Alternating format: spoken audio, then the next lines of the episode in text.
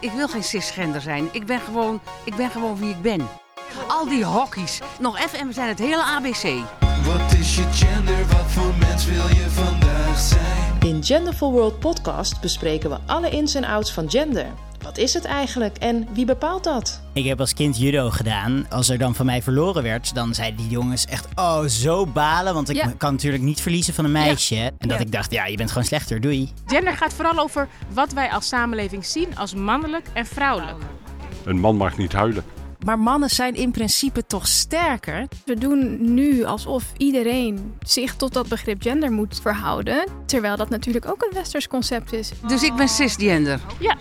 Dus de meerderheid is niet gewend om in een hokje geplaatst te worden. Op het moment dat dat wel gebeurt, dan, dan roept dat weerstand op. Ik ben natuurlijk in mijn volwassen leven van een vrouwenpositie naar een mannenpositie gegaan. Dat mensen voor mij aan de kant gaan als ik de tram uitstap. En toen ik als meisje door het leven ging, dat dat niet gebeurde. En dacht ik echt, shit. In vijf afleveringen gaan we voorbij hij zij. Waar sta jij?